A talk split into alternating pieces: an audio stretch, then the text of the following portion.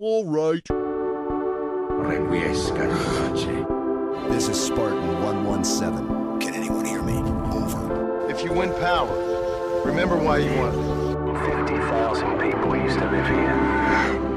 Now it's a ghost town. They say once you taste blood, it changes you forever. I wouldn't know, because it's been a part of my diet since day one. Nothing is true. Everything is permitted. Trust me. Let's do this. Har du slet ikke øh, noget kamera, Victor? Eller?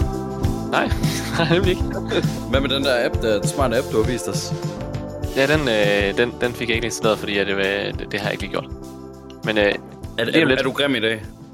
også det. Men jeg er faktisk grim hver dag. Det tror jeg ikke på. Det er jeg. Og nu har jeg set dig tæt på, jeg ved godt, det er løgn.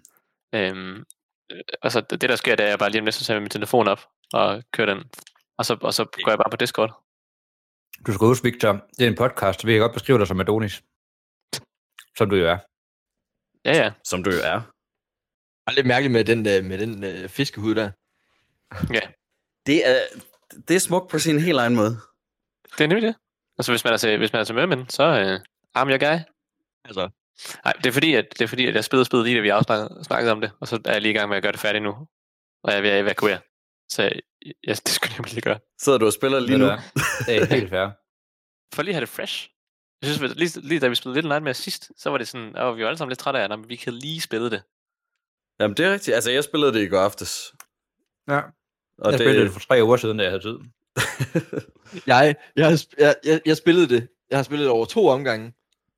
Og den første øh, har taget en halvdel af hver, hver gang sådan. Og jeg tænkte, jeg, jeg, jeg sad sådan i går, da vi aftalte, nej, fedt nok, så, så snakker vi færdigt der. Så havde jeg ikke lige overvejet, at, at jeg ikke havde spillet det færdigt. så sad her til morgen, og vi var, og vi sad og lavede gruppearbejde og sådan lidt. Der er et eller andet, jeg har glemt her. Jeg skal nå senere i dag, hvor jeg skal have gjort et eller andet. jeg er sådan, okay, gud, jeg er nødt til at gå lidt tidligere. Så vi er tre, der har spillet det inden for det sidste døgn, og så Johannes, der har spillet det før sidste afsnit, vi optog nærmest. Ja, lige efter sidste afsnit, der kom der, jeg tror jeg kan huske, om det var onsdag eller torsdag. Og så da det var weekend, spillede jeg det, og så tænkte jeg, nu er jeg fucking klar til at snakke om det næste uge. Men det, det ligger nok lidt fjern, fordi at i mellemtiden, der har vi, der er mig og Emil gennemført Assassin's Creed 1, og snakket om det. og snakket om det, ja. Så, ja. Ja, vi har jo faktisk lavet to afsnit siden. vi har lavet Assassin's Creed Valhalla, og så uh, Assassin's Creed 1 afsnit i mellemtiden. Så er det sådan et retrospektiv. Fuck, hvor fedt. Hvordan sammenligner man Assassin's Creed, hvordan sammenligner Assassin's Creed Valhalla sig med det originale Assassin's Creed? Puh, ja. Vil du høre øh, podcasten? Jeg er snart færdig med at klippe det. Ja, det vil jeg da. Selvfølgelig vil jeg det. og vi var, øh, vi var glade for det første, Jeg er ikke glad for det sidste Valhalla. og vi var Nej. ikke glade for Nej, Valhalla. på ingen Det måde. var vi sgu ikke. Og det, det har jeg faktisk hørt, at det er ret godt, men, men når jeg ser på det, så ligner det bare ikke. Det ligner ikke rigtigt et Assassin's Creed-spil. Nej, gør det bare ikke. det er det heller ikke. Ikke som jeg husker Assassin's Creed fra at have spillet et og autoren, og ikke andre. Jeg havde fuldstændig glemt, hvor meget jeg savnede Assassin's Creed-spillene, da jeg spillede det gamle frem for det nye. Jeg synes Origins, det kan lige gå an, men ellers så... Odyssey, det er et godt spil separat, men det er ikke rigtig Assassin's Creed heller. Om jeg synes fra, fra Origins og så til Valhalla, der er, der er et godt dyk. Men sådan en retrospektiv, jamen det er seriøst, retrospektiv, de er mega fed. Jeg kan høre sådan lidt trætte og sådan lidt øh, gentager hinanden. Kan jeg ikke helt finde de rigtige ord. Åh, jeg har godt nok også, øh, jeg er godt nok træt i dag. Jeg har købt øh, cola, og jeg har lige flækket sådan en monster, og jeg har en monster mere stående. Så jeg, jeg håber, jeg kommer til at lyde frisk, men jeg er godt nok bumpet, altså. Jeg håber, ja. I Ja. er friske. Holde hele natten, eller sådan noget. oh, I wish. Det her spil, det tager været fire timer at gennemføre. øh, playthrough. Så vi burde, øh, den burde, det burde vi godt kunne knock out the park. ja, jamen det, To timer og 46. Det tænker jeg. det er sgu Det godt. mig tre timer i dag, men det var også fordi lige minder det hele, der skulle jeg lige, der skulle jeg lige have en ubehagelig samtale. Det er typisk. Og det var ikke i spillet. Der er også masser af ubehagelige samtaler. Man kan jo faktisk godt sige, at øh, der er lidt nogle paralleller, man kan lave. Jamen, og det, er jo, det, og det er jo det, der er med det her spil, det er, at der er paralleller gennem hele spillet til det rigtige liv. Det, det er jo næsten så virkelighedstro, at der er mange, der synes, at slutningen den er kedelig. Fordi at der ikke er sådan en, en kæmpe, kæmpe plot, der binder det hele Man sammen. skal rappelle ned fra. Og så alligevel. Og så alligevel, ja, hvis, Ja. ja. der er nogle ting. Det gør det et eller andet sted meget, øh, trækker den meget ned på jorden, ikke? Ja, det, er synes jeg er meget nice. Ja, det synes jeg er vigtigt også. Jeg var, fordi jeg var nemlig også skuffet, indtil jeg så sad og tænkte over det, og så tænker, fuck, hvor er det fedt. Nej, men det er fordi, at jeg sad jo med den der følelse af, når du spiller så mange computerspil, og du så får slutningen, så sad jeg og tænkte, var det det? Nå, men det når vi nok til. Alexander, Yes. Take it away. Nej, det er Alexanders tur til at læse noget intro op. Det er en god idé. Nå, Det var Ja. jeg ikke forberedt på. Altså, du har skrevet en intro, ikke, Alex? Ligesom vi snakkede om. jo. Øhm, lige, hvad, øh, øh, Scribbling sounds. Jamen, det er ikke, fordi I behøver at læse min intro op, jo. Men, men altså, du kan blive inspireret af den. Du kan lige få to minutter, hvis du vil. Ej, du har ret. Jeg sætter den igen. Han skal ikke have noget hjælp. Min, min intro er ret ordinær. Jeg, jeg vil ikke sige, jeg synes ikke, øh, jeg Altså, ved ikke, meget hjælp det er. jeg, kan, jeg kan heller ikke se noget. Øh, mit mit setup er bullshit, det er vejen. Jeg tror bare, i stedet for at jeg spørger dig, Alex, hvad, hvad er det, vi laver? Jamen, øh, vi snakker om computerspil, og i dag der snakker vi om Firewatch. Vi snakker om videospil, ikke? Vi snakker om... Vi Det er nummer. Det er nummer. God damn it! Det er okay, Så det kan klippes. Bare lige sige videospil, så får jeg det til at lyde som om, at du sagde det rigtigt. Vi snakker om videospil. Okay, er du klar? Videospil. Den Så- kan du godt få ind. Den kan du godt. Den godt. Jamen, ingen problemer. Jeg har lavet klippet. Vi snakker om videospil, og i dag der snakker vi om Firewatch. En lille hyggelig, hvad, hvad kalder vi det? Walking Simulator. Ja. En, øh, hvad, en spilletid på en 4-5 timer. En øh, sød lille historie. Vi sidder sammen med Emil Gallereins Åh, oh, ej, ikke gamertags. Helst ikke. det vil jeg gerne være fri for. og Konstantin Mini Ravn, Victor Serendi Stewart og Johannes Jacobsen. Hvad? Skal du ikke have... Hvad? Er det din utallige alias med? Ej, Kaptajn Haddock, Papa. Joe, Bongo 523. Det er udgivet i 2016 af Campo Santo til alle platforme, selv Linux og Mac. Campos, Campo Santo, godt navn, er et amerikansk firma fra 2013, skabt af Sean Bannerman, Vandermanden. Bannerman og Jake Rudkin, som var hovedforfatter på Telltales The Walking Dead, samt Nils Anderson, som var lead designer på Mark, Mark of the Ninja, og Lee Moss, som har arbejdet som grafisk designer for både Marvel og Star Wars. Så det er nogle kompetente herrer. Ja, jeg vil også nævne som øh, stemmeskuespiller, der har vi Rich Sommer, som spiller Henry. Han er kendt fra Mad Men, der er med i 92 episoder. Cissy Jones, som øh, har lavet meget stemmeskuespil, blandt andet Last of Us Part 2, Half-Life, Fallen Order, Fallout, WoW, Red Dead Redemption 2 og Shadow of War. Men nok mest kendt fra, øh, fra Firewatch. Øh, ud fra hvad jeg lige kunne se på MDB, så var det sådan øh, den hovedrolle, hun har haft. P1 og P2, nede fra søen, som vi kender dem. De har også lagt øh, stemme til Telltale The Walking Dead. Så jeg kunne godt forestille mig, at øh, skaberne bag spilstudiet måske har fået dem med over, det ved jeg ikke. Ja, der er mange, der er mange snore, der går der tilbage i, i forhold til stemmeskuespillerne. Jeg tror faktisk kun, det er Rich Sommer, der ikke er, er hævet med derfra. Ja, To store roller jo. Ja. Det, det skal du ikke sige ja til, Johannes. Det er forkert. Det er forkert svar. nej. det, er, Ja, det, det, det, der, det, er det, der med at, det er det der med at lytte til igennem det ene øre og slæse noter med det, det andet øre. Læs no- noter med øret, ja. Du er fandme talentfuld. Øh, Men øh, vi har et klip, vi ser lidt og ser, sidder lidt og ser her i baggrunden, som jeg nu vil starte. Og så synes jeg ellers bare, at skal snakke ind over alt det, kan. Det er det et af de spil, der er med til, eller der er med til at øh, beskrive, hvordan øh, videospil skal ses som sådan en, hvad skal man sige, som kunstform. Der findes et par stykker af dem, synes jeg, øh, og det her det er et af dem. Fordi at det på en eller anden måde fortæller en historie, der er fuldstændig jordnær på en eller anden meget smuk og naturlig måde. Det synes jeg bare er lækkert. Fordi som sådan gameplay-mæssigt, hvis man sætter sig ned og skal spille det, og tænker, nu skal jeg bare have et spil med tight controls og mega fed fornemmelse, når jeg sådan rent faktisk spiller, så, så synes jeg egentlig ikke rigtigt, det gør mig så meget. Men som, øh, som reel fortælling, så kunne man lige så godt se en tv-serie, eller læse en bog, eller se en film. Ja, den type spil, du taler om, altså jeg tænker også, det er jo walking simulators. Altså det her med, Generelt, ja. du går, og så får du en historie samtidig. Lige præcis. Der er jo ikke sådan en vild, øh, vild kampsystem, eller, eller, eller looting, eller øh, upgrade af alt muligt, og det, det ved I, jeg hader sådan noget, så jeg elsker, når der bare er fokus på historien. Det er skønt. Var der noget med, at du ikke kunne lide Assassin's Creed Valhalla? Kan du der er nogle, nogle ting her, der passer sammen? Mm-hmm. Mm. Øh, jamen, vi starter jo med, med den her øh, historie, som vi får i, i hvad hedder det, sådan en tekstform, og, øh, og så, får vi, øh, så får vi nogle valg, vi tager for Henry, og de er, de er oftest ikke vildt forskellige eller betydningsfulde.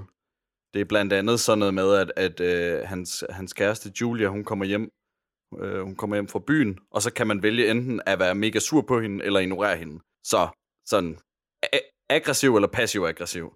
Så vi, vi får et ret tæt forhold til ham her, øh, til ham her Henry allerede fra start. Og, og det gør bare, at man connecter meget med historien. Nu siger man. Det gør, at jeg connecter rigtig meget med historien. I må tale for jer selv. Men jeg går ud fra, at I, I har haft samme oplevelse, at, at den her start, den, den har gjort, at man, at når man så går i gang med spillet, at man er, er ret tæt connected med Henry, og allerede fra første linje, når han begynder at snakke med Delilah, så er man helt vildt investeret i, i deres forhold. Absolut, også fordi, ja, som du så siger, altså, bare de små valg, man lige får lov til at træffe der, som er at vælge, hvilken hund er det, de vælger at få sammen, og ja, hvordan man, reagerer man i, i, bare, i de her få scenarier, de lige stiller op og sådan noget. Det burde ikke betyde det store, men det gør, at man connecter væsentligt mere med karakteren, fordi man har været med til at forme ham en lille smule. Og er det så mega vigtigt at dig at vide, hvilken, øh, hvilken hund valgte I. jeg valgte den lille. Jeg valgte Beagle, for jeg vil også selv have en Beagle. det gjorde jeg sgu også. Jeg valgte Bucket. Bucket. Fuldstændig. Det gjorde jeg ikke. Jeg er den eneste, der ikke har valgt den. Ja. Shit. Så bliver også tre mod dig i dag. Jamen, så kan du fortælle, hvad, der, hvad, hvad forskellen er. Så hvad, hvad skete der for dig? Øhm, jamen, jeg fik en større hund end jer. Og den hedder? Åh, oh, det, det kan jeg faktisk ikke huske lige nu. Den hedder Mayhem. Mayhem, det er rigtigt, ja. det er sindssygt. Det var, det var sådan en primær, primær grund til, at jeg skal fandme ikke have en hund, der hedder Mayhem. altså, hele den er ret fed. Øhm, det, det bliver simpelthen bare lidt, øh, lidt jordnæren lige pludselig. Øh, det bliver reelt. Det kommer også lidt tæt på, vil jeg gerne afsløre for, øh, for mig. Ja, hvor mange kom øh, ud af den her øh, prolog uden, øh, uden tår i øjnene?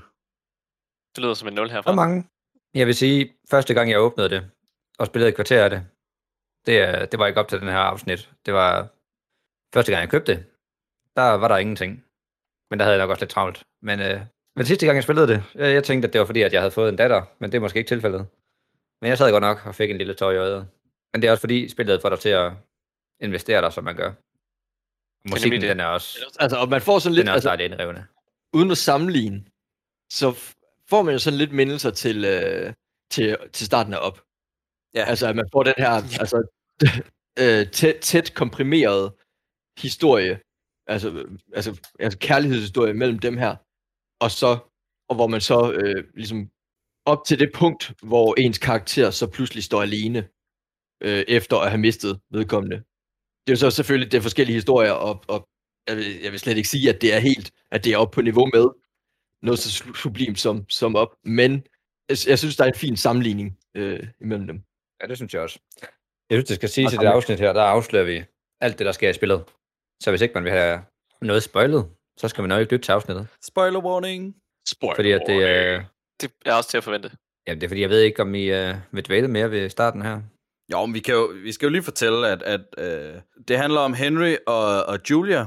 Øh, Julia, hun er sådan, akademiker, og jeg ved faktisk ikke helt, hvad Henry er. Han er håndværker eller sådan noget, men de møder i hvert fald hinanden på en bar. Øh, så får man øh, det her forhold, som er sådan ret øh, ordinært med øh, optur og nedture. De får en hund, og de har skænderier, og de elsker hinanden, men det er ikke et perfekt forhold. Da Julia hun så er 41 år gammel i 1985, så får hun en episode af noget øh, demens. Det er Alzheimer's, ikke? Hun Jo, har, dement. det udvikler sig så, så meget, at hun skal på et plejehjem, og i min udgave kom hun i hvert fald hjem øh, til Australien t- til sine forældre og blev passet, fordi Henry ikke kunne, kunne gøre det ordentligt. Og, øh, og Henry, han tager så et job som øh, Firewatch i Wyoming, som vist er ret langt væk. Ja, rigtig dårligt til amerikansk. Øh. Det er sådan det centrale, er det ikke det? Nu googler jeg det fandme. det, er i hvert fald, øh, det er i hvert fald langt ude i en skov, så han, han har ikke øh, kontakt med andre end øh, hende her Delilah, han snakker med over walkie-talkien. Så øh, det er ligesom hans øh, flugt fra, fra den her øh, tragedie. Stændig. Og så er spillet i gang. Det kan godt være, at lydet er tages. Det er ikke, fordi jeg sidder og bliver sentimental igen. Nej, men måden, vi skifter imellem, imellem den her historie, og så styrer vi Henry, imens han, øh, vi ser ham første gang, hvor han står i en elevator og øh, går hen til sin bil, og så cutter det tilbage, så får vi noget mere af den her historie, øh, og ligesom ser deres liv, eller får fortalt deres liv fra 1975 op til 89. Og øh, det vi så klipper hen til, det er Henry, der, øh, der kører ud øh, til, den, til det her Firewatch, øh, den her Firewatch-post, hvor han skal være og med det her skønne musik, som er lavet af Chris Remo. Og det er bare, det er virkelig noget fed musik.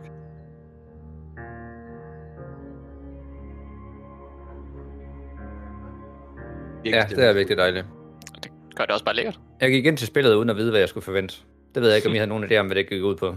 Jeg vidste jeg fik det anbefalet af min storebror, dengang, at jeg skulle, at jeg skulle spille det. Så han havde ligesom fortalt mig, at det var en walking simulator, der handlede om historie frem for andet, og sagde, at det var lidt ligesom at læse en bog.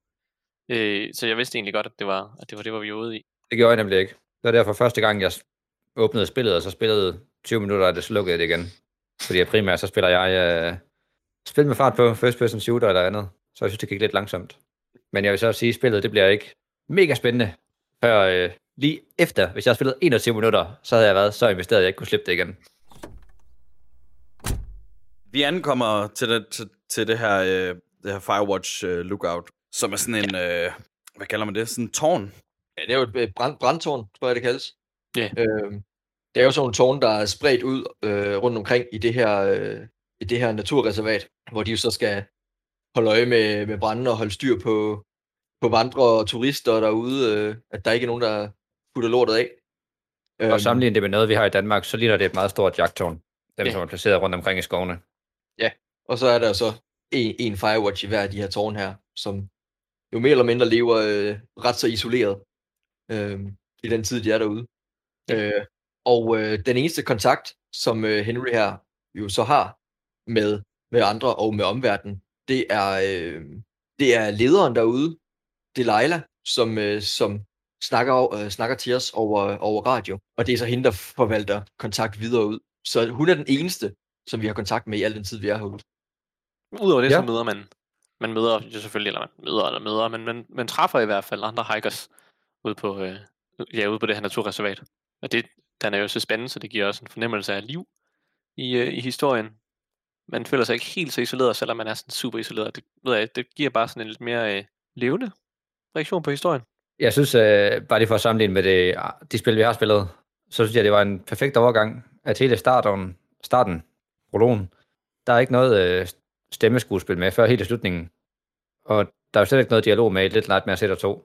Og at spille alle de spil i træk, så går du meget fra, at der bare er stille og lyd og billeder, indtil, indtil dialogen så rammer dig. Og det, det er næsten helt ukendt. Men jeg synes, det er, det er perfekt at gå fra et, øh, et billede- og scenevisende spil til, til et, der er fyldt med dialog. Fordi det her spil, det er båret af dialogen. Og, og den dialog, dialog, hold kæft, hvor er de gode. Rich Sommer og Sissy Jones, det, Det er velindtalt. det flyder så naturligt. Der er samtaler, og altså manuskriptskrivning, det er jo bare altså i særklasse. Jeg, altså jeg, jeg blev sgu helt forelsket i hende samtidig med, med, med Henry. Jeg har en idé om, de står i et studie og kigger hinanden dybt i øjnene, mens de laver det her. Fordi kemien er så god. Ja. For der er nemlig god kemi. det, det er skide god kemi. Det er helt vildt. Hello, Two Forks Tower. Um, hello? Whoever this is? It's Henry, right? Yeah. I'm Delilah.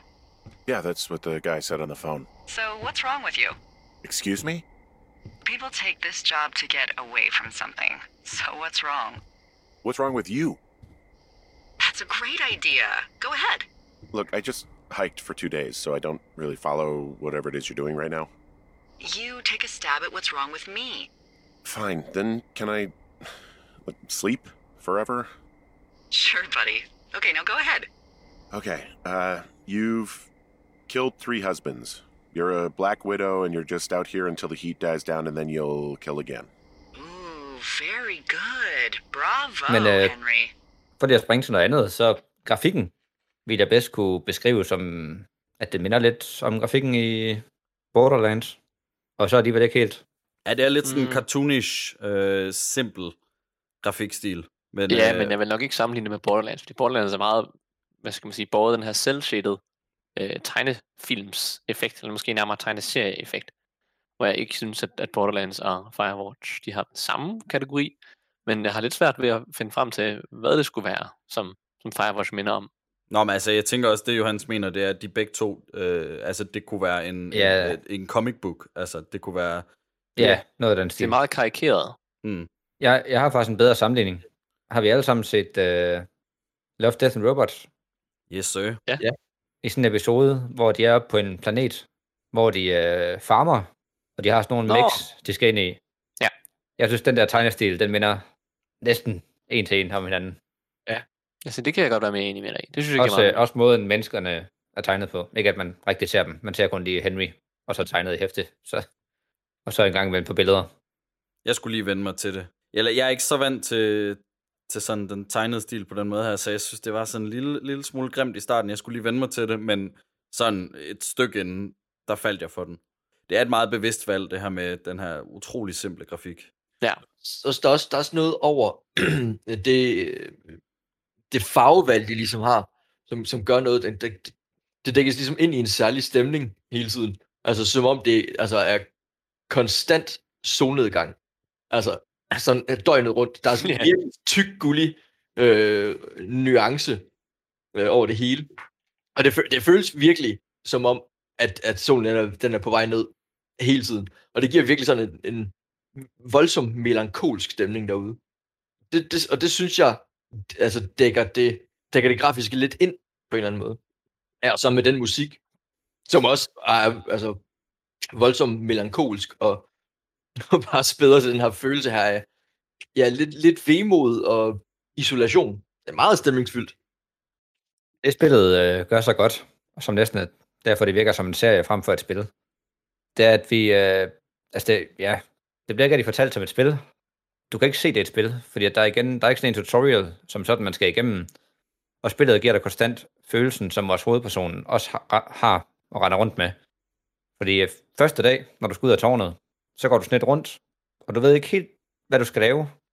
Og det er tale sætter vores hovedperson også med, hvad er det egentlig skal han rundt og lave.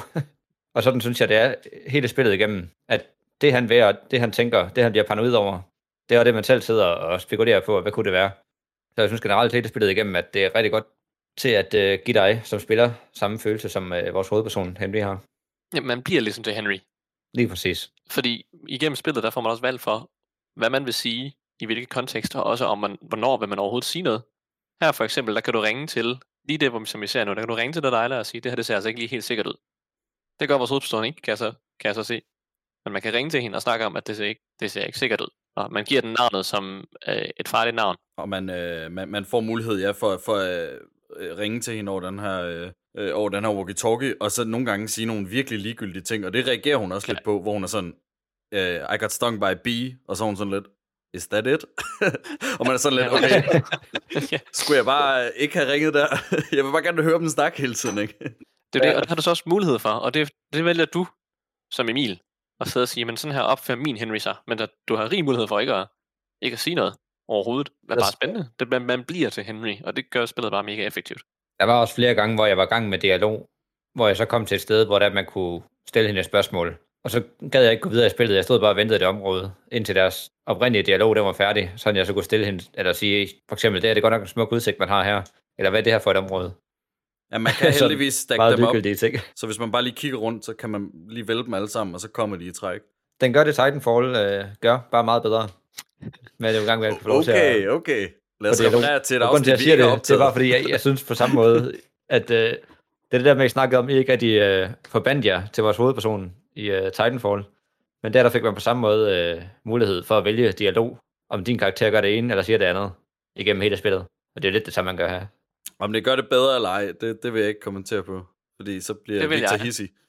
Ja, Fordi det her spil gør det bedre, men det er også fordi spillet handler om det. lige præcis. Øh, og det gør det mega effektivt. Altså Firewatch gør det bedre end Titanfall. For Titanfall, der virker det som, at det har lige givet en ekstra fornemmelse af, ja, men så kan du lige leve dig ind i historien.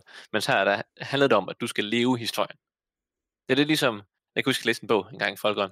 Øh, det er sådan, så åbner man bogen, og så er det sådan en historie, hvor du sådan selv får lov til at gøre det. Så giver det dig en episode, dit vækkeur ringer om morgenen, hvad gør du? Og så kan du vælge mellem tre forskellige ting, så står der gå til side 9 for, det, for den mulighed, du så har valgt. Og så fortsætter historien igen og igen og igen, og du får hele tiden nye valg, og så kan du læse igennem siderne på bogen, som bogen fortæller dig. Og i lidt den samme kontekst her, bliver det lidt søgt, det ved jeg godt. Men du får lov til at vælge, hvordan din karakter skal være, når, du, når historien udfolder sig. Fordi du spiller sådan set ikke bare som Henry, du spiller som dig selv i en impersonation af Henry. Og det synes jeg er effektivt. Og du får ofte mange forskellige valgmuligheder. Nogle gange så får du ikke nogen, men du får ofte mange valgmuligheder for, hvad du vil sige. For eksempel, når du skal ned og snakke med de her pige 1 og pige 2 i søen, så kan du selv vælge, hvordan du skal håndtere situationen. Og så er det dig, der vælger det, hvordan du selv synes, Harry skal være. Henry hedder han skal være, eller Hank. Øhm, som bare, det synes jeg bare fungerer mega effektivt. For lige at sætte det i kontekst, så, øh, så ser, så, øh, når han kommer op i, i, i det her øh, udkigstårn, så ser øh, Henry, vores hovedperson, han ser noget, øh, noget fyrværkeri, Og over øh, den her intercom øh, walkie-talkie snakker han så med Delilah om, at han skal ned og se, hvem der er, der fyrer det her fyrværkeri af. Og, ned, øh, og så går han så ned og finder en sø, hvor han ser, at der er øh, to teenager, der er nøgenbader. Og dem står han så lige og har en lille dialog med her. Og hvad siger de til hinanden, Alex? Han rummer dem jo ligesom anden, og, de er bare, og, og, og deres reaktion over for ham er jo, at han, han er en gammel klam stodder, der bare skal fuck af og han prøver, han, han skal, nu ved jeg ikke, hvad, hvad I valgte og sådan noget, men man skal jo ligesom prøve at, at navigere i, hvordan takler man den her situation her. Prøver, prøver man, altså, synes man det hele, det er sådan lidt, lidt for meget, og man, og man bare gerne vil have det overstået, eller prøver man i rette sætte dem, eller og skal man, skal man stjæle deres, øh, deres øh, sprut og deres ghettoblaster, og hvad vil man lige gøre? Jeg Man skal stjæle det hele. Stjæl lige, stjæl lige deres ting. Ja, det gør jeg. Og jeg har Jeg ret rundt, kunne med, jeg har ret rundt med deres boomblaster resten af, af den dag der. Jeg er ked af, at jeg ikke smed den i søen. Ja. ja. Min øh, gennemspilning, der røg, der røg den der boomblaster i søen. Og jeg kan godt se, det var måske... Det er lidt voldsomt, ikke? Ja, man belønner med mere dialog på den måde. øh, nej, der sker ikke noget. Musikken Ah, okay. okay. stopper bare. Øh, og så senere får man så en dialog-option, øh, hvor man kan fortælle Delilah, at man har ødelagt den. Og det synes hun selvfølgelig, man er lidt en klovn for at have gjort. Jeg, jeg konfiskerede bare deres, deres fyrværkeri og sagde, det skal I ikke, det skal I ikke gøre. Sådan som et normalt akavet menneske, der finder to piger, der skal ind i dipper. Det er det, det personlige præg, det kommer ind over. For jeg Ja. tænker, en ting er, at man kommer ned og siger, at det skal opføres ordentligt. Når de så opfører sig, så douchey igen. Så tænker man også bare, fuck dem, så skal de sætte heller ikke have det godt. så tager man deres ghettoblaster, og så skrider man. så kan de bare rette mig.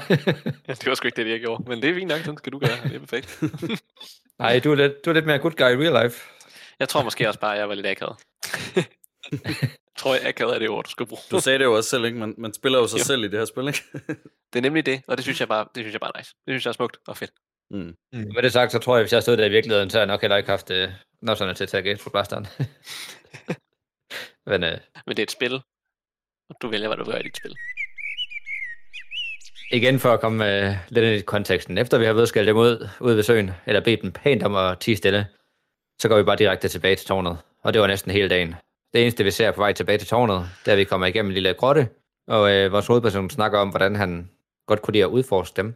Udover det, så møder han på vej tilbage en, øh, lige det mørket falder på, en anden herre ude i skoven, som skinner ham lige hovedet som en, øh, ja, med sin lommelygte.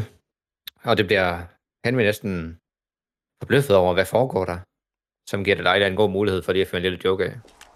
There's some guy out here giving me the creeps. The creeps? Wait, he's looking at you? Is he doing anything else?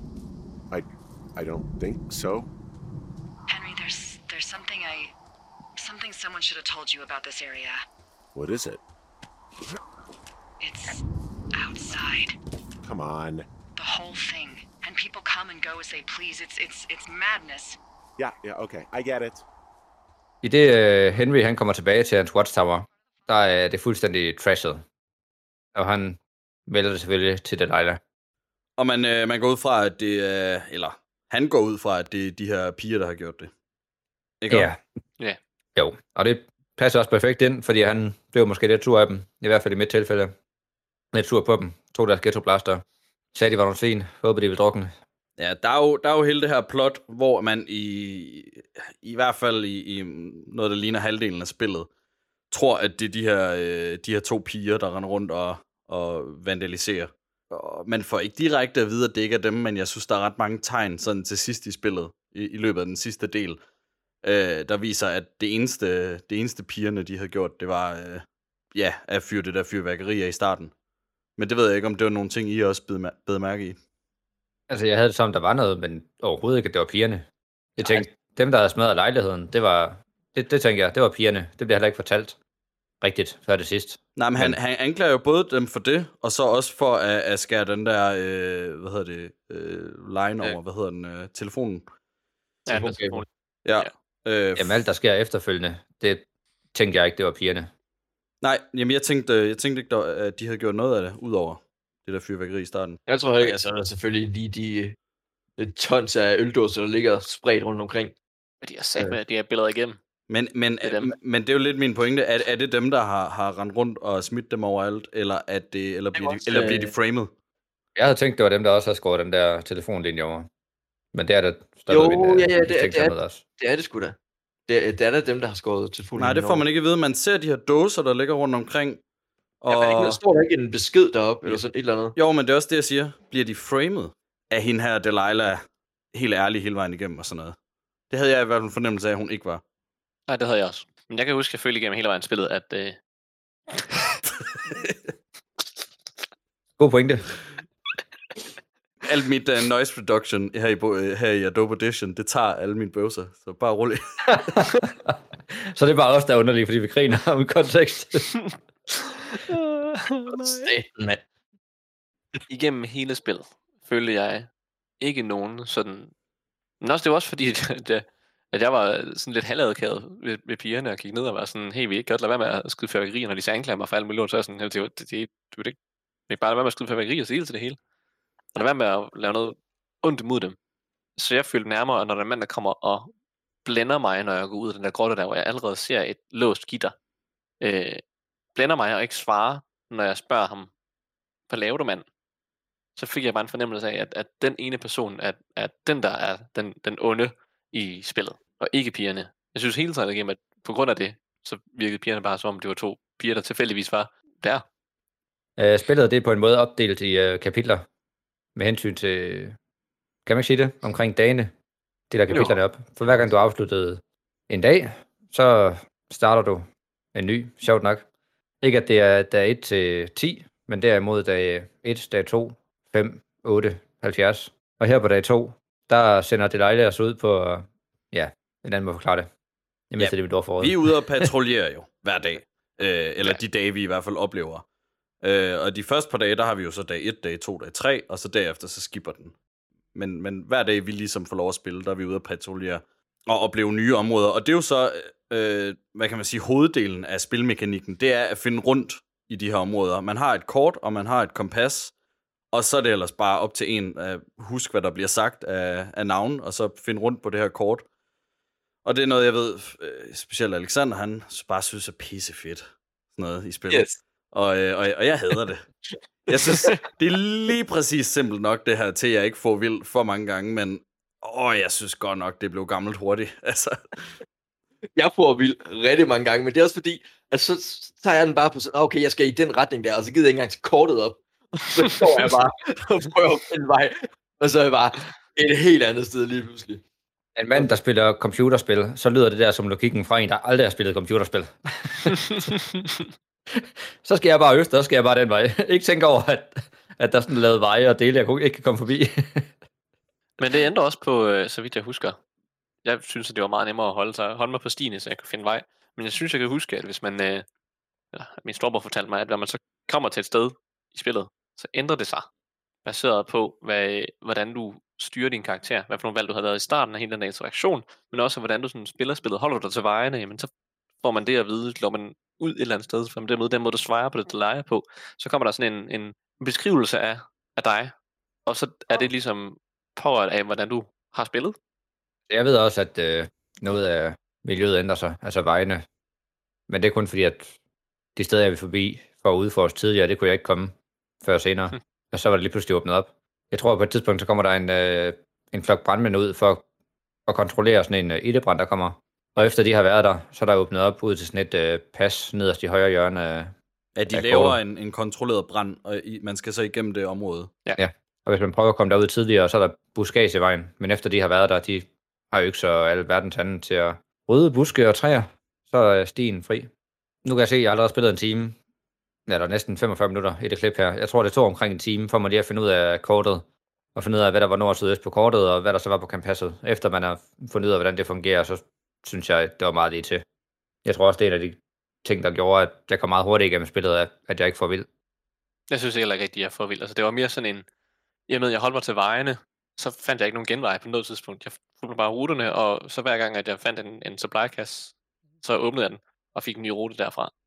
Jeg lige sige, Det var også kun i, det var, i- det var i starten, ja, jeg, jeg får meget vild. Så Det var i slutningen, jeg får vild. Altså i starten, der synes jeg, det var nemt nok, fordi der, er jo, der var et par veje, man kunne vælge imellem, men i slutningen, hvor man kan gå hele mappen igennem, og hvis man tager en forkert vej, og så lige pludselig finder ud af, at man ikke kan gå nord derfra, specielt i den aller sidste scene, hvor man skal nord, hvor jeg bare gik så langt vest, jeg kunne, ned til søen, og så op nord for at finde ud af, det var ikke den vej, jeg skulle. I stedsandelse er fremragende. Jamen, jamen jeg, jeg har forfærdelig stedsans, jeg ved det godt. så det vil jeg heller ikke klandre på spillet. Jeg synes, det var fint nok, men jeg vil klandre på spillet, at jeg synes, at det blev, en, øh, altså, det blev for gentagende, og, og det kedede mig lidt hen øh, mod slutningen. Af, at, når musikken ligesom var cued, så sad jeg og hyggede mig ret meget, fordi det var lækker musik, og det var flotte billeder og så videre. Ja, og det er Ja. rigtigt nok. Men når man Ja, nogensinde men- men... skulle ned sådan helt sydpå, og så bagefter så skulle du helt nordpå, så, blev, det blev sgu lidt langhåret. Specielt når musikken ikke spillede, og det vil jeg faktisk give dig enig med. Og det var det, det, det der, jeg kedede mig, men det var ikke fordi, at, at, at jeg får vild. Det var bare fordi, det var stenet. Men jeg tror, du har ret i, at det er fordi spillet forventer det hurtigere. Fordi jeg opdagede det kun én gang. Og fordi jeg kun opdagede det én gang, så irriterede det mig ikke. Jeg synes altid, der var dårlig dialog. Eller så nød jeg lige hurtigt udsigten, før der kom ny dialog. Eller skulle jeg lige hurtigt prøve at finde vej. Jeg synes aldrig, det er noget, vi gentagende for mig for den, på den måde. I historien, der, øh, der kommer vi til sådan et hegn.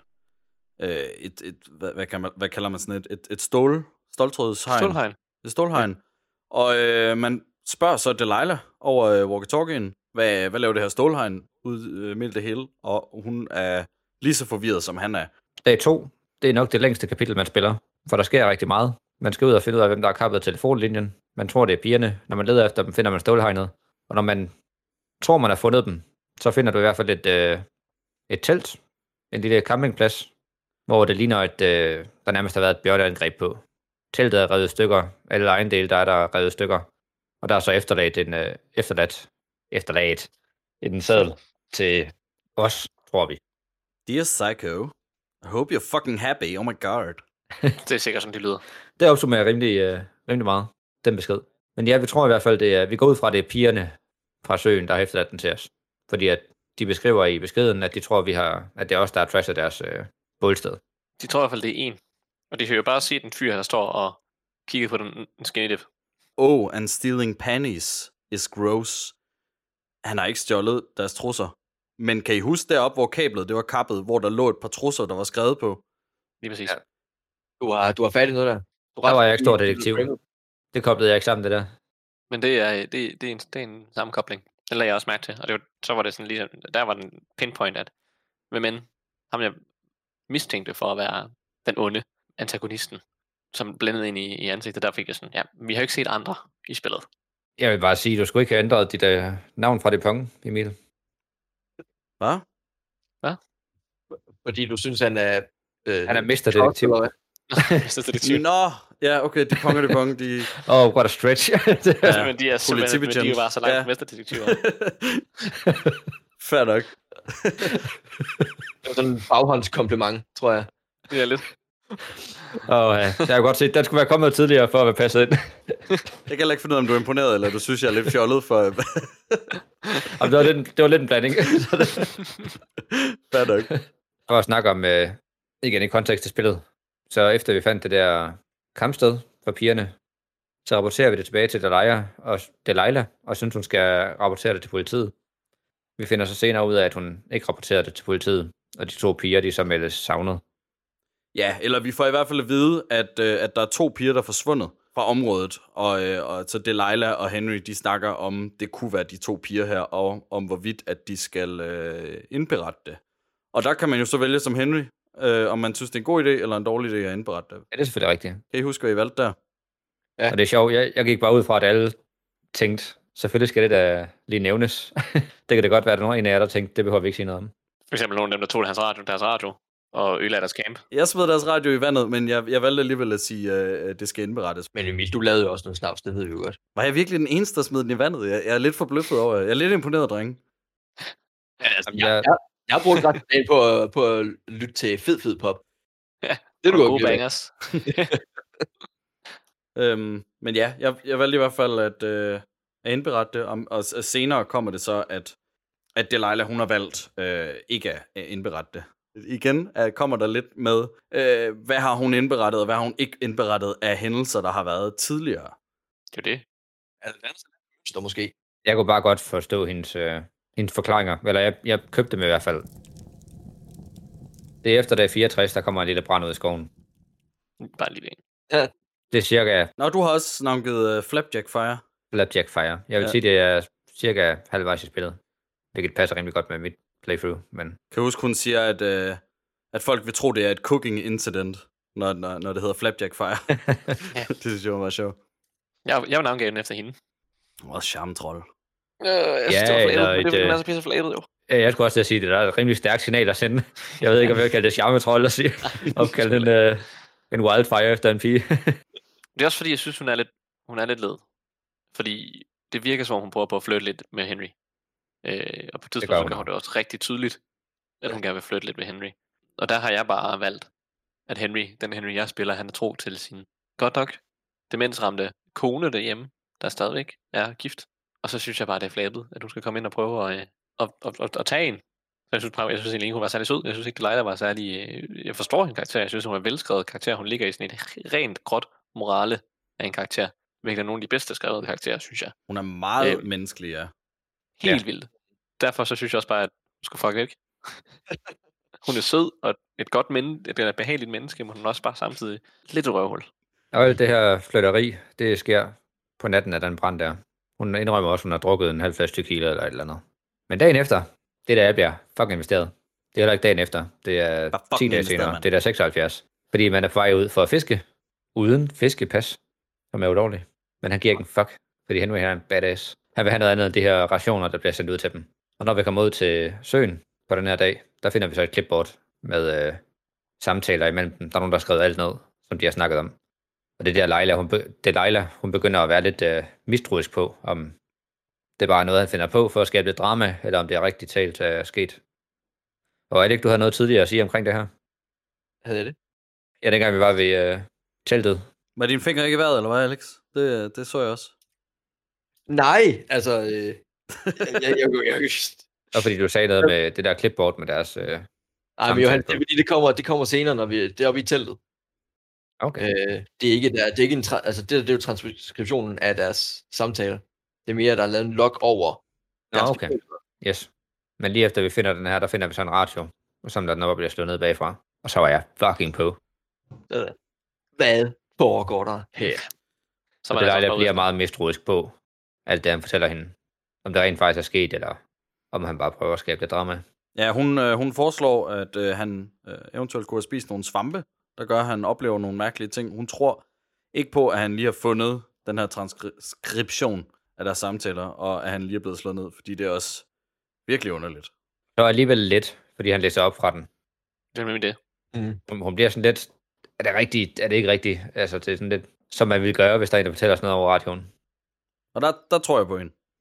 Men vi er på hende jo overbevist. Og, der, og der, det er jo også et af de steder, hvor man virkelig kan træffe valg. Altså, man kan, man kan forekomme virkelig manisk, hvis man, hvis man vil, og paranoid. Mm. Øh, men, men man kan også vælge vejen og tage det meget rationelt, stille og roligt, og, og sådan noget. Ja, jeg, jeg var panisk. Ja, jeg var også øh, fuldstændig panisk. jeg tænkte, hvad fanden sker der? Hvorfor er det ikke lidt til mig? hun skulle bare høre efter og gøre noget. Der prøvede jeg, der prøvede jeg også at være rationel. Slå, slå koldt vand i blodet og være sådan, rolig nu. Men nu kender vi også hinanden, så vi ved også, det er sådan, vi vil reagere i virkelige situationer. Emil og mig vil være fuldstændig paniske, mens vi vil sidde ned og tænke, kom nu lige, gutter, lad os lige tænke over det her. Men vi fik i hvert fald læst øh, navnet Wobbity Station. Og det er det navn, der stod på det der stålhegn, vi fandt ud i skoven tidligere. Så vi prøver at få noget udstyr for at bryde ind for at se, hvad der foregår derinde. Vi begynder rigtig at konspirere. konspirere. Det skal der rigtig meget af. Og det forstår man også godt, fordi der er en eller anden, der sidder og lytter. Og det eneste, de har set, det er et indhegnet område, som de ikke kender, som de ikke ved, var der. Så det der, det, man kan på en eller anden måde godt forstå dem. Fordi hvis de ved, at der er nogen, der lytter til en, og der er et område, de ikke kan komme ind i, men det er ligesom bekræftet, at der er nogen, der lytter til dem. Specielt her lige om lidt. Så, øh, Ja, og holder Så- øje så- på ind hos ja, dem. og holder øjebryder ind, og ødelægger en camper, stjæler 18-årige pigers fucking underbukser. Altså, man forstår dem fandme godt. Ja, jeg sagde mig også synes, det var ubehageligt på alle måder.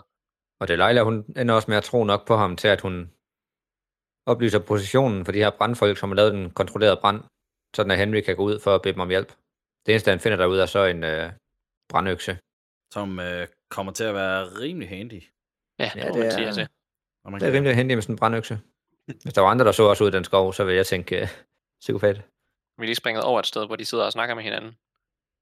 Hvor de så hørte host, og øh, spørger hinanden, om det var den anden, der hostede, og de begge to siger nej. Og de så får bekræftet, at der er en, der sidder og lytter med. Og det er der, de begynder at blive paranoid. No, definitely not. All right, so uh, tell me what you think of this. Did you just cough? No. Did you just cough? No.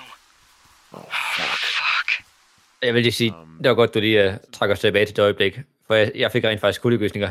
Jeg fik sådan min hår, det begyndte at rejse på hånden på armene, fordi jeg var så investeret. Så nu er Delilah en, en believer, der er med på konspirationsvognen. Ja, og lige, det var bare lige nu sprang vi lige det over, det vil jeg bare kommentere på. Det er sindssygt vigtigt, fordi så er det i hvert fald 100% bekræftet, og de begge to er helt klar over, at der er nogen, der lytter med. Jeg vil godt nok også synes, det var klamt, hvis jeg tænkte, at jeg hele sommeren havde snakket med en, og det bare var fortroligt mellem uh, os, og du så hører en tredje, der sidder og laver lyde ind over radioen. Ja, det vil fandme være ubehageligt. De spil, vi nu har spillet indtil videre, dem har jeg virkelig også levet mig ind i. Så sidder foran computeren, headset på, høj lyd, sluk lyset, og bare fuld levedøvelse. Ja, det blev næsten helt uhyggeligt nogle gange, hvor jeg tænkte, det Mm. er lidt, lidt gys. Ja, man kan... Jeg ved ikke, hvilken genre det skulle gå ind under. Men det er Psykisk uhyggeligt. gys. Ja, fordi det er uhyggeligt, fordi at det virker så realistisk, det virker så jordnært. Man kan godt, når man går rundt der, og man indlever sig som Henry ved at styre Henry, og vælge, hvordan ens egen Henry skal være. En lille detalje her på dag 77, mens han sidder ved sin skrivemaskine, der har han taget hans, øh, hans bryllupsring af. Mm. Det er det, jeg bare med mærke til. Den kan man vælge at tage på. Nå, Det gjorde jeg fandme. det gør jeg sgu ikke. Jeg jeg. fuldstændig, jeg så det ikke. Jeg not på.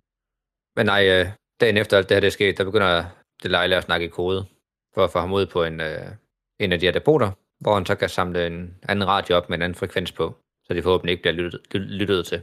Og det er her, ja, øh, hvis man kigger på kortet, så er vi allersydligst. Og i midten, der er sådan en, øh, hvad hedder det, sådan en stor kløft, hvor man skal over en, øh, sådan noget, der ligner en, hvad hedder det, en lift? Ligesom en skilift, ikke? For at komme imellem det område, øh, Delilah sidder i, og det område, Henry sidder i. Og Delilah, hun fortæller, at hun aldrig har prøvet at tage den der lift. Hun faktisk har kun har siddet over sit eget tårn og kigget ned i det område, Henry han er i. Men alligevel så fortæller hun, at hun har været øh, allerlængst syd på det her kort, og afleverer en walkie-talkie ned i en kasse. Hvilket er lidt mærkeligt. Men hun fortæller også, at hun har snakket med mange mennesker for at få det til at du, for at få den til at gå op. Så i princippet, så det, det der, der, er der, der er der et hul. Fordi man får ikke eksplicit at vide, hvorvidt hun har øh, været dernede eller ej. Der er også en anden ting, det er det her med, at de her walkie-talkier, de mener, de bliver lyttet til, ikke? Øh, på grund af den kanal, de snakker med på den ene walkie-talkie. Hvad er det, han skal med en ny walkie-talkie, og hvordan er det, de ikke bliver aflyttet, fordi at han har en ny? Det giver jo ikke nogen at mening. den er, jo, det bliver en mening. Hvordan giver det mening? Radio, det kører over sekvenser, og den nye radio, den er jo så indstillet på en ny sekvent, sekvens. Som man jo bare kan indstille sin egen radio til. Jo jo, men hvis han ikke ved, ham der lytter, hvilken sekvens den er indstillet til, så kan det jo tage ham lang tid at finde den rigtige kanal. Altså, lang tid. Det er jo relativt. Han kan finde kanalen igen. Jeg mener bare, det er jo ikke fordi, at, den, at, de er en tappet øh, walkie-talkie, de har. Altså, der er nogen, der sidder og aflytter den walkie-talkie, så hvis han har en ny walkie-talkie, så kan de ikke blive aflyttet mere. Så kan man jo bare finde den kanal, de så snakker på. Ja, det er det. Jo, jeg, jeg mener, at der findes walkie-talkier, som kun kan snakke til hinanden, som, du, som ikke er... Men de skal stadigvæk logge sig ind på en frekvens. Det er jo rimelig lang distance, det her. Og hvorfor, altså, hun, hun har jo ikke andet udstyr derude, end, end det hun har. Men, Nej, der, men men der, der snakker hun om, at hun får fat i nogle andre. Altså hun, hun siger, at hun har fat i to andre rangers. Uh, I'm here at Cottonwood Creek. You see the cash box there? Uh, it must be around here somewhere. It is. Find it and open it. I changed the code. It's 5678. Are you kidding me? I was in a rush. I've got it now. Good. I spent all day getting you that radio. I hiked to a cash box, lied to a ranger, lied to another ranger, and hopefully you are now holding a clean, untapped radio. Our radios are tapped? Are you fucking serious? Radios are definitely tapped. That's why I left you the one you just got. How how how is this? Jeg synes så, vi kan komme til ting, der er meget mere usandsynlige senere hen i spillet. Fordi vi nu finder den her campingside med en helvedes masse udstyr, som vi senere finder ud af, at der er en, der har bygget selv, Nå, så vidt jeg forstod. Nej, det er jo bare det, de snakker om. Det er jo også, igen, det er jo også det her, de kommer ind, og så ser de sådan en, øh, hvad hedder sådan en, en jordskælvsmåler. Øh, måler.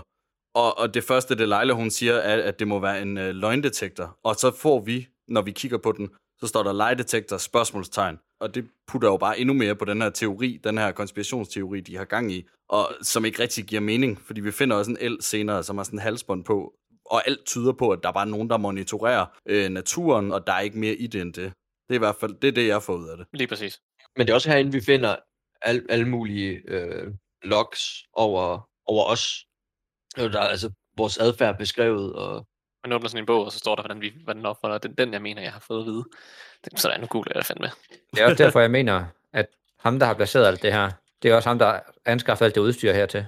Det som, det, som jeg tænker på hele det her, det er, når man, det virker som, at det er, det er nogen, der er ude og finde ud af vildlivet. Den måde, der kommer en beskrivelse af, hvad, hvad hedder det, vores hovedperson tror, eller Henry tror, handler om Henry og Delilah, handler det bare om fucking dyr, og ikke dem specifikt. Men der er nogen, der har placeret nogle, nogle hints til, at det kunne være dem, som også bliver forløst senere. Men selve den der camper, hvorfor den er der, har egentlig, i hvert fald i min forståelse, ikke nogen, eller i min opfatning, da jeg spillede det også, da jeg kom til det her punkt, så har den der, hvad skal man sige, camp, den har ikke nogen forbindelse til Henry og Delilah overhovedet, udover at der ligger nogle beskrivelser på den, der får det til at ligne det. Og det i den paranoide sind, som de to er i, som helt sikkert jeg også ville være i, hvis jeg stod i deres situation, den gør bare, at, øh, at de mistolker det fuldstændig. Men det er også det, hvis man lægger mærke til her. Altså, der, er, der er tre feltsenge inde i det telt her. Der er kun én sovepose. Altså man kan ligesom sige, det, altså, det ser egentlig ud til, at der kun er, bor én lige nu. Ja. Og der er ligesom alt det her udstyr her, som det, det peger ligesom i flere forskellige retninger, og, og, og at der så ligger sådan en, en lille log over, over de to, giver bare ingen mening, og passer slet ikke ind i, altså der, der er noget af jorden ude foran, der ligesom er, øh, er gridded op, altså markeret, så man kan se, at okay, de laver nogle prøver på, på, på jorden derude, og, og sådan nogle ting. Så det, det hænger bare ikke sammen her. Det jeg tænker, det er, at der er tre mennesker, der er taget herud for for eksempel studere dyr, og ja. det vidste øh, vedkommende som udspionerer dem godt. Og han har bare gjort dem paranoide, paranoide omkring situationen, og så bare sat dem op til at tro alt muligt, som ikke er rigtigt. Ja, i hvert fald, ja. i hvert fald sat Henry op. Ja. Jo, til med hensyn til, at han brænder lejren af, lige så snart han smutter. Ja, også at Delilah, hun, hun foreslår det. Hvad med, at du brænder det hele af, og man er sådan, hvad, du er supervisor for det her? altså... Ja, det er rimelig fucked. Det er virkelig dumt. Men jeg er i hvert fald i spillet her super paranoid. Også fordi, at det der med de forsvundne piger, det er ikke blevet op, opklaret. Og nu alt det her. Så jeg tænker i slutningen af spillet, at, øh, at det slutter af, hvad man sidder og bliver forhørt i politiet. Og så er det så, jeg kom i tanke om, at vi alle sammen har et, øh, et kamera. Og jeg havde lidt tænkt, at det kunne være fedt, at spillet havde slut. Det er igen mig, der sidder og tolket, at hvis man sidder og bliver forhørt, så er der sikkert øh, forskellige slutninger, som man bliver nødt til at kunne bevise sin uskyld. Og sådan slutter spillet med, at, man ikke kan komme i fængsel eller ikke i fængsel. det er så overhovedet ikke det, der sker. Men i hvert fald så finder man et øh, indgangskamera, og jeg tænkte, det er da optimalt nu at sidde til billeder af alt det her. Og det gør jeg også. Jeg tror også billeder af det hele. det fortryder man i rulleteksterne til sidst. ja, det, det gør man. ja. Det er nemlig utroligt fedt. Det kan vi lige så godt uh, sige, at når du finder det indgangskamera, uanset hvor i spillet du bruger dem, det synes jeg var en utrolig fed detalje. Er det i rulleteksterne, der kommer du så til at se alle de billeder, du har taget med indgangskameraet. Men det der vi alle sammen mærke til, gjorde vi ikke det? Jo da. Jo. Er du sindssygt hyggeligt? Jeg tror så kun et billede. Jeg glemte det der kamera fuldstændig, så det var sådan lidt, nå okay, det var pisse ligegyldigt. Ja, så alle mine, alle mine billeder blev høvlet af inden for det sidste kvarter. Ja. Nå, hvis alle mine billeder, det bliver hævet af her. jeg tænker, jeg bare skal bevise på, at jeg ikke har gjort noget. Mm. Ja, de vigtigste billeder på kameraet, det er jo så også de, de billeder, der allerede er. Vi har faktisk fået introduceret allerede den tidligere Firewatch, der har været, som uh, Henry og Delilah snakker om. Ned og Brian, eller Ned. Ned Goodwin, ja. Uh, og, præcis. og hans søn, Brian. Brian Brian, ja. Goodwin. Og Ned, han var, han var Firewatch, ligesom Henry er nu, og øh, han havde sin søn med ulovligt. Og han led af posttraumatisk stress. Og Delilah, hun, øh, hun står så i et moralsk dilemma på det her tidspunkt, hvor hun finder ud af, at han har sin søn med, om hun skal øh, melde det, eller, øh, eller hun ligesom skal lade ham øh, have drengen med herude, fordi hun er, hun er sikker på, at hvis hun melder det, så bliver den her dreng taget fra net og kommer hen til nogle vilkår, som, øh, som helt sikkert er dårligere for ham. Så det er Ja. ja. ligesom hendes rationale i forhold til det. Øh, og ham her drengens øh, taske har vi fundet, og i øh, den taske, der ligger så et indgangskamera, som vi går rundt og tager nogle billeder med. Men jeg synes, det er vigtigt at pointere, at han har sådan en militær baggrund. For jeg synes, det er det, der gør noget af alt det her. Det kan der så gøre. Jamen, helt sikkert. Der 77, der sidder net og er lidt paranoid. Det er så ikke dag 77, det er om natten. Han sidder i hvert fald og har lavet en masse noter, og øh, sidder og konspirerer. Ja, forestil dig den, den, her, den her væg, når man, når man skal øh, koble hele blottet sammen i en, øh, i en thriller med røde tråde. Så har han så bare post-its klistret op på sin rude for at prøve at rende, regne alt det Ja. ja. her ud. Og de kommer, de kommer kun, hvis du sådan beholder noterne, fordi der er nogle noter, jeg ikke beholder, for eksempel, for jeg tænkte, det, det kan jeg simpelthen ikke til nogen grund til at beholde. Og så klister han dem simpelthen ikke op, så min væg var væsentligt mere bar end den, den væg, eller det vindue, som vi ser øh, i videoen her. Nede i campen, der fandt vi sådan en, jeg ved ikke helt, hvad man kalder den for, en form for receiver, som begynder at gå af her om natten. Jeg ved ikke, hvad man skal... Der er nogen, der har sammenlignet det med, at det minder lidt som at gå rundt med den der scanner i Alien, hvor den begynder at bip, og der er liv, der kommer tættere og tættere på.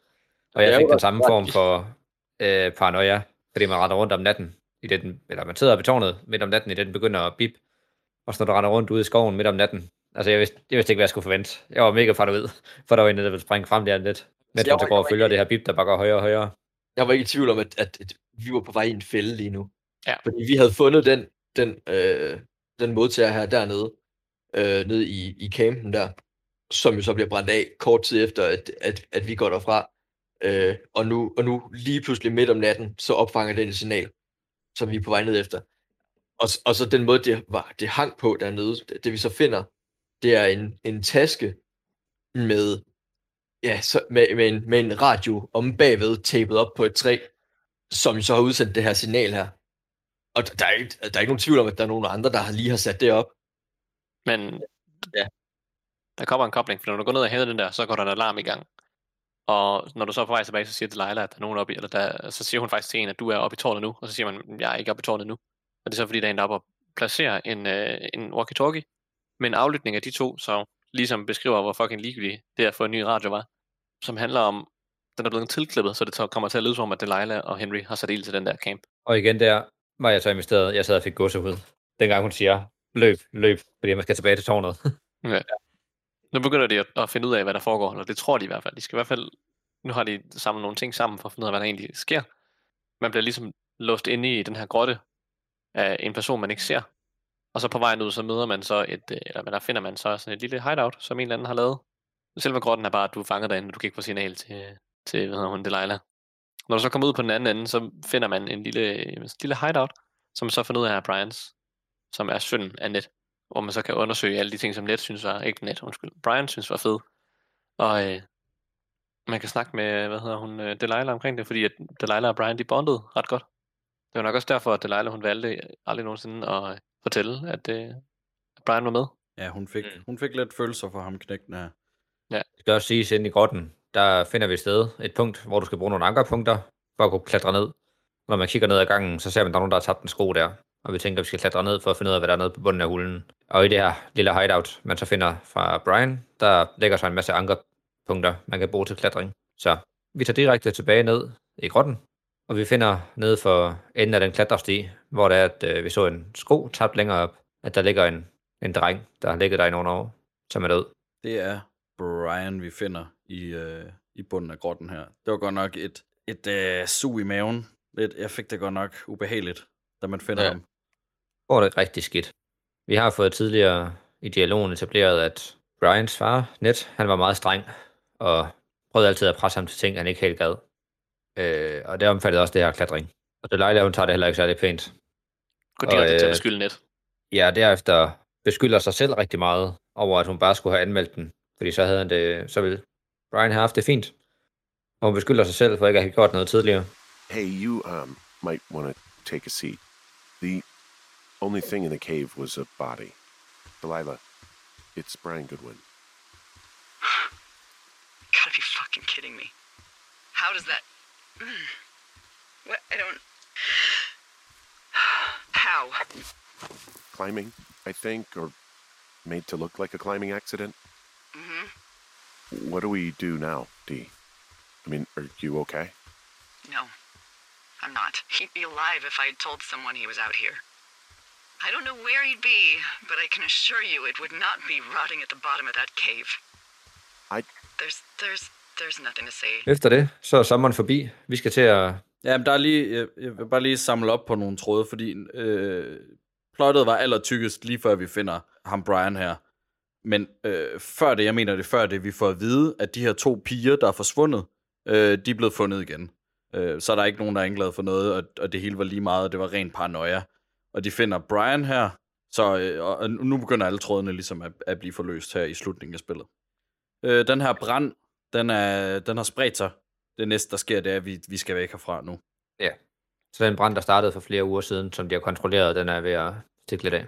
Ja, den er samlet, den er samlet, med, den er samlet sig med den brand, som de, øh, det får man at vide i en, i en dialog, at den er samlet med branden, som blev antændt på øh, den der station. Der får man sådan en lille kommentar fra hende, der siger, at de har samlet sig, og øh, at dermed er den gået ud af kontrol.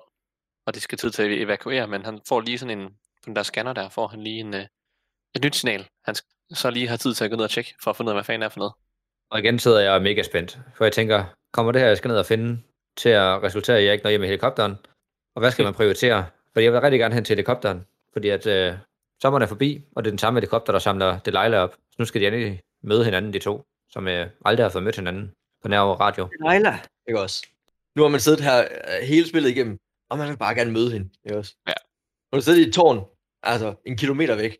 Ja, man havde sgu nok lige øh, gået op for at sige hej. Jeg er din nye nabo. Ja.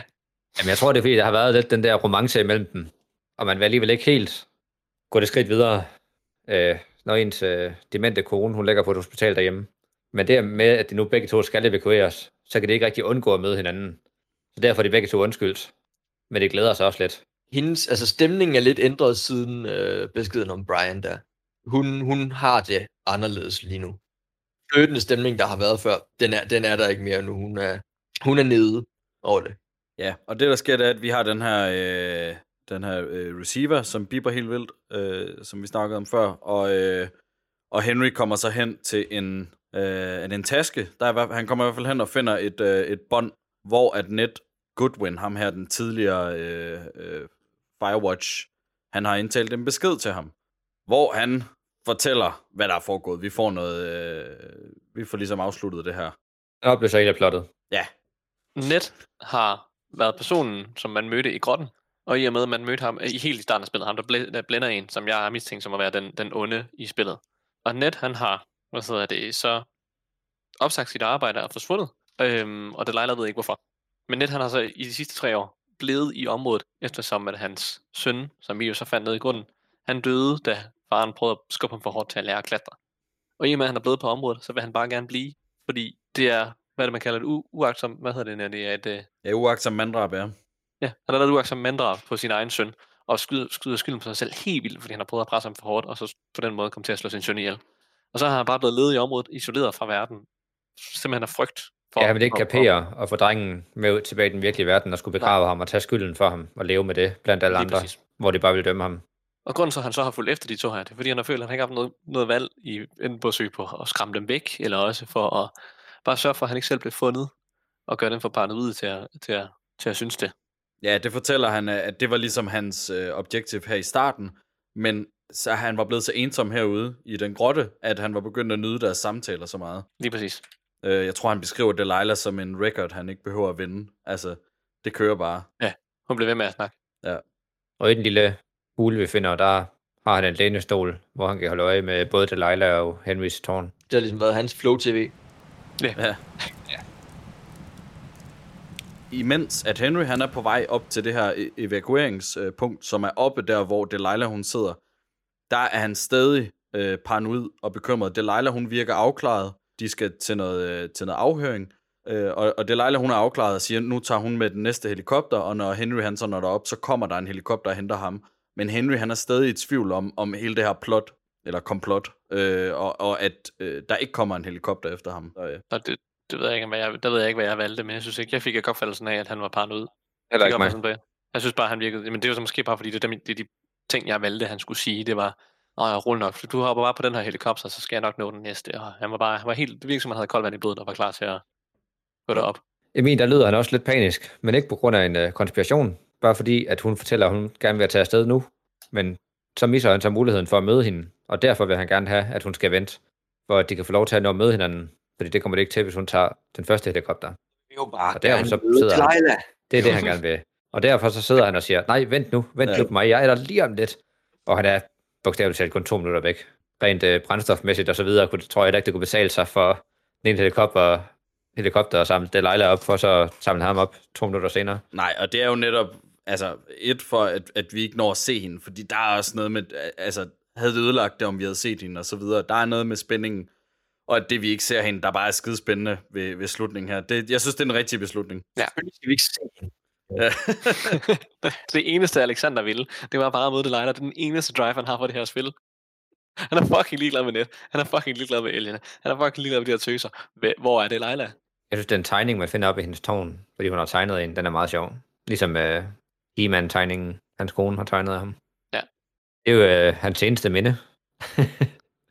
Om det Altså, altså, Min, min Henry, han blev ved med at sige til hende, at nu skal hun tage derhen, hvor hun har planlagt, og nu skal dit liv gå videre, og tak for den tid, vi har haft sammen, og lad os komme videre i livet, og lad os lade være med at gøre det sammen.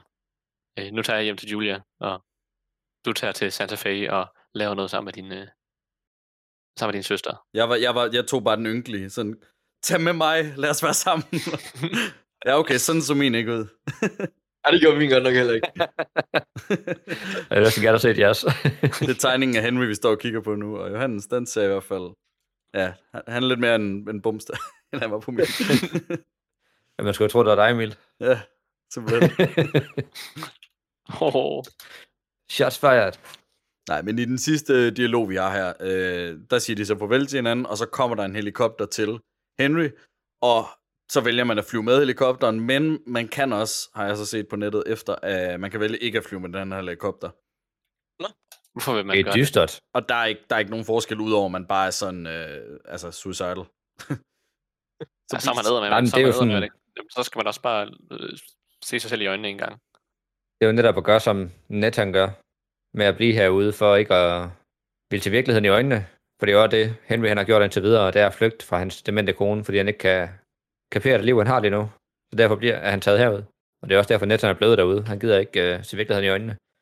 Så det er da rimelig dystert, ved at man så også skal få lov til at vælge det, og bare tænke, jeg tager bare den samme løsning som net. Jeg bliver herude. Jeg vil bare lige tilføje, jeg tror, bare fordi man vælger at blive, ikke nødvendigvis, at man brænder ihjel. Jeg tror bare, at man bliver derude. Jeg tror godt, du kan. Jamen, det kan du jo tro alt, hvad du vil. Man ser det ikke, så det er jo op til... Okay, whatever. Man kan jo også gå ud fra, at helikopteren den styrter ned lige efter, at uh, kameraet slukker, men det ved vi jo heller ikke. Det går vi bare ud fra, at den ikke gør. Lige præcis. Lige mærke til en lille ting. Oppe i højre i venstre hjørne, Pork pond. kan I se skilt, der. Pork Pond. Mm. Kan I, kan I huske? Kan I genkende det? Ja, det er de der Ja. skilte, der blev stjålet ned fra, uh, fra Pork Pond, fordi det er et sjovt navn. Ja, lige præcis. Det, det, det, det adresserer de nemlig, altså der, altså der, der siger hun, at øh, ja, det var et problem, skiltene blev ved, blev ved med at blive stjålet. Jamen, jeg skulle da virkelig have set de der konspirationsvideoer om, at Delilah, hun er bare psykopat. Jeg ved ikke, om der er konspirationsvideoer. Det er Det, ret jeg har ikke set nogen videoer. Det, jeg synes heller ikke, hun, jeg synes ikke, hun er psykopat. Jeg synes, hun der var tværtimod, at hun er mega menneskelig. Hun er menneskelig, og at hun ikke har rent mel i posen og ikke altid fortæller sandheden, det er også menneskeligt. Altså, det er bare det, at, at, at hun måske ikke øh, er helt ærlig hele tiden. Helt ærlig, altså. Der var hun bare et menneske. Hun er bare menneske. Det er konklusionen på det spil her. Vi er alle sammen mennesker. Hvis ikke man har regnet det ud, så er det her i uh, rulleteksterne, man finder ud af, at det var Brians kamera. Man sidder og ser alle Fordi at- billederne. Lige præcis. Som man selv har og taget. der er de billeder, man selv har taget, og så er der de få billeder, som var taget på kameraet, før man uh, samlede det op. Og der ser man Der blandt andet, bevismaterialerne. ja, der ser man blandt andet uh, Brian og hans far. Fik I også sådan en fornemmelse af, at det her spil var færdigt, trods alt det lort, der går igennem, men bare det der med at være derude, fik I, fik I også sådan en lille mavefornemmelse om, at det kunne egentlig være ret fucking grineren at være en... Uh, Ja, jeg tænkte præcis det samme. at enkelt sommer. være, Jeg blev, altså, blev virkelig fanget af, af stemningen, altså, og, og tænkte, det er jo sgu da egentlig meget fedt, det der. jeg gad sat mig godt. Vi tager, den- vi tager den næste gang. Alexander, vi tager til Wyoming. Med i orden. Du er fem, så kan du være lov til at være Delilah, så skal jeg nok, eller også så skal jeg være Delilah, så kan du være Henry, og så kommer du og møder mig, så du ligesom får forløsning på din helt egen historie. Emil, så kan jeg være net, og så kan du være Brian, der falder ned i kløften. Så genfortæller vi historien. Ja, jeg er klar på at være Brian, der bare dør. Det, Jeg tænker faktisk, at jeg vil hellere have jer to som to teenagepiger, der skinny i en sø. det, det er meget bedre. Høre høj fed popmusik. Det, er en, det er en fucking fed plan. Vi ses næste år. Thank you, Delilah. I appreciate it. I mean it. Good luck. Thanks. Bye, Hank. Godt. Jamen, vi giver, øh, vi giver tre karakterer, som vi lægger sammen. Så øh, øh, det er fra 1 til 10, i henholdsvis, øh, det, hvordan vi synes, det visuelle er, hvordan vi synes, me- mekanikken fungerer, hvordan vi synes, historien er. 1 til 10 visuel. Vil du starte, Victor? Ja, jeg vil gerne starte. I visuelt, så vil jeg give det et 8-tal, fordi det gør, hvad det skal, og alting er tydeligt, alting er flot, og lyset og charmen af spillet, specielt, specielt ved, ved, ved ild om natten og solopgang og solnedgang, ser det mega flot ud. Men jeg fandt mega mange sådan janky steder. Der er for eksempel et sted på, på det der hegn der, hvor hegnet engang er forbundet til jorden. Det er bare sådan, det flyver bare over. jorden i sådan et hjørne. Jeg tror også, vi så det i videoen. Ja, at der er mega meget sådan græs, der er rundt omkring, som ikke er forbundet til jorden, fordi den måde, det er blevet placeret i selve baneopbyggelsen, sidder det bare lidt skævt, og dermed bliver det ikke øh, fuldendt. Og så det hiver mig på at ske en lille smule øh, øh, oplevelsen. Men alt, hvad jeg så ser, ligner det, det skal være. Der er ikke noget, hvor jeg tænker, hvad fanden er det der? Alting ligner, hvad det skal være, og man kan se, hvilke ting, man skal klatre op på, fordi de er sådan lige markeret med lidt hvidt. På den måde, så fungerer det bare mega godt. Så det vil jeg give en 8-tal. Øh, fordi det ikke er helt perfekt. Simpelthen derfor. I mekanikken, der vil jeg også give det et 8-tal. Simpelthen baseret på, at øh, det fungerer. Det virker der ikke et eneste tidspunkt, hvor jeg synes, at jeg sad fast i noget, lige udover når man er nede i grotten, hvor jeg prøver sådan at klatre op på, på en af de der, øh, jamen et sted, hvor man skal klatre op på en af de der, øh, hvad skal man sige, forhindringer. Og øh, så klatrer jeg sådan ind i væggen, og trykker på alle, alle knapper, for sådan at komme ud i væggen, og så kan jeg klatre over bagefter. Så der var lige nogle steder, hvor der var nogle sådan hump. Så synes jeg også, at det at når man, jeg ved ikke, hvordan I spillede, men jeg sprintede meget rundt, da jeg spillede. Hele tiden. Og når man så kommer til en af de der ting, man så kan klatre over, så er animationen den samme, som hvis man går, så det bremser mig helt vildt, og så kan jeg komme op og løbe videre. Og det jeg faktisk endte med at gøre, det er bare at løbe rundt om alle de der sådan, træer, der ligger ned over stien, så løber jeg bare rundt om træet, fordi det føles som, at det gik hurtigere, selvom jeg faktisk ikke rigtig ved, om det gik hurtigere. Men alt det, man så skulle, som svare det leje, der synes jeg var mega intuitivt. Jeg spillede med en controller, så jeg kunne bare sådan bevæge mig op og ned på den med, med en af knapperne bagpå. Øh, jeg synes, at når man ser en, en, en, en, en ting, man skal samle op, og den måde, man sådan skal tjekke den og kigge på den, og man kan zoome ind på den og scrolle op og ned, det synes jeg også fungerede mega godt. Så det er også et 8-tal, bare baseret på, at der er nogle steder, hvor jeg synes, det var sådan lidt janky. Øh, og historien, det er ikke et spørgsmål, det er det højeste, man kan. Og det, det synes jeg, vi har siddet og snakket hele videoen om, at historien var mega fed. Så der synes jeg ikke, der er nogen grund til at skulle understrege, hvorfor at, øh, at jeg giver den 10. Nice. Hvad med dig, Alex? Øh, jamen, jeg, jeg, jeg er sådan set enig i, i, i størstedelen af det. Jeg tror karaktermæssigt, så jeg tror, det, det, hvis vi starter på det visuelle, så var jeg også meget betaget af det. Men det er ikke... Øh, men, men, jeg- men jeg, tror, jeg tror ikke, jeg kan gå højere end... Altså, jeg tror, jeg vil give det en syver. Og det er fordi, der har ligesom valgt en æstetik. Altså også, fordi det her spil her, det handler ikke om det visuelle, som sådan.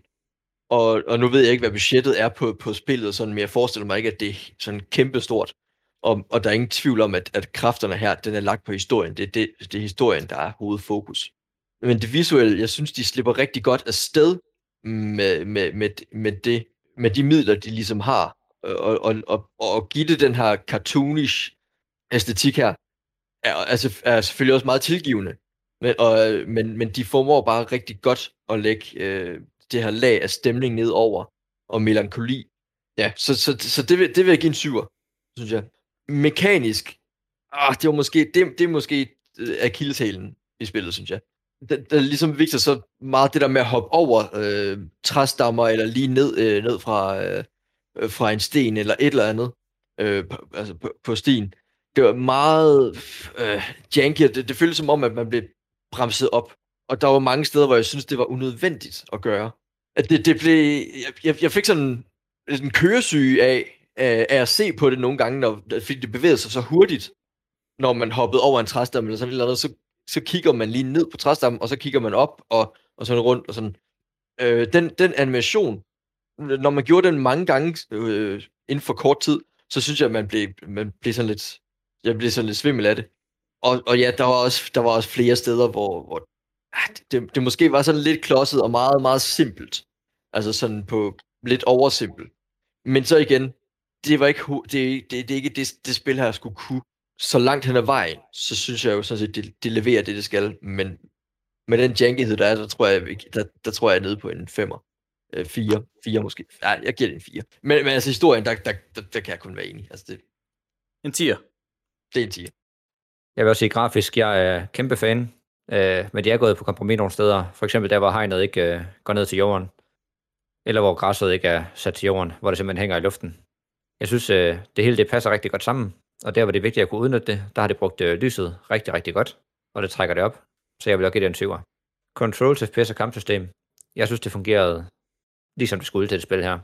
Det eneste, der irriterede mig, det var, hvis jeg holdt noget i hånden, for eksempel en ghetto blaster, og så åbnede en af de her kister her, en af de her supply-ting, og jeg så samler noget, noget nyt op, så det, jeg har i hånden, om det er en grænkogl, uanset hvad det er, så taber jeg det, jeg har i hånden. Og det synes jeg ikke spillet, det fortæller mig. Så det var et eller andet sted, det eneste sted, det irriterede mig. Jeg tror ikke, det er en 20'er. Historie, jeg smed det på en 10'er. Jeg var med fra start til slut, og det var den der gjorde, at jeg så investerede. Skuespillet, det var, det var simpelthen perfektion. Det, det rev mig ind. Der var mega god kemi. Jeg synes, det var fantastisk.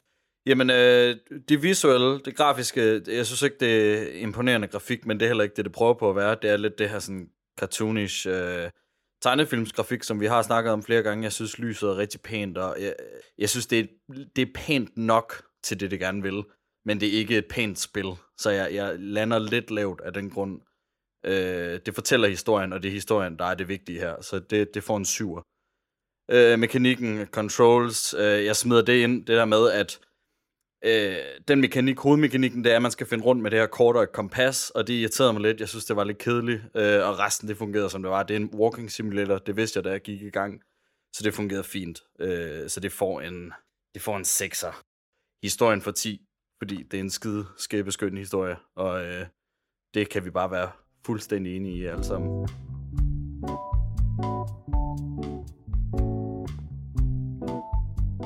Godt. Victor, han ender på en 8,6'er. Samlet set, Alexander ender på en 7'er, Johannes ender på en 8'er, og jeg, Emil, ender på en 7,6'er. Så sådan i det høje leje, et godt stykke over middel.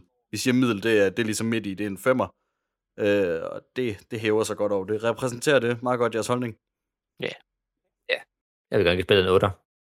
Med det sagt, så gav jeg Assassin's Creed 7,4 eller sådan noget, og det synes jeg et eller andet sted, det vil jeg hellere spille igen. men, men, men for hvad spillet var, og for hvad spillet det gav mig, ja, så var jeg lige så positiv, da jeg kom ud af det her spil her, hvis ikke lidt mere, end da jeg kom ud fra Assassin's Creed. Der var lidt flere problematikker ved Assassin's Creed. Så. Og Victor, du ligger ja. højst. Så, så ifølge den her karakterskala, der er du gladest for det her spil. Ja, jeg var mega, jeg var mega spændt. Jeg har spillet det to gange, fordi jeg synes, det var så fedt. Og Alexander, du er den sure. Du har lavest karakter. Du har kun givet en syver. Så meget hård ved mekanikken der, det kan jeg godt høre. Det kan jeg godt høre. Men det synes jeg ikke, det synes jeg ikke er noget at sige, fordi det er forskellige måder, vi kan, vi kan, vi har en, en, en holdning på det.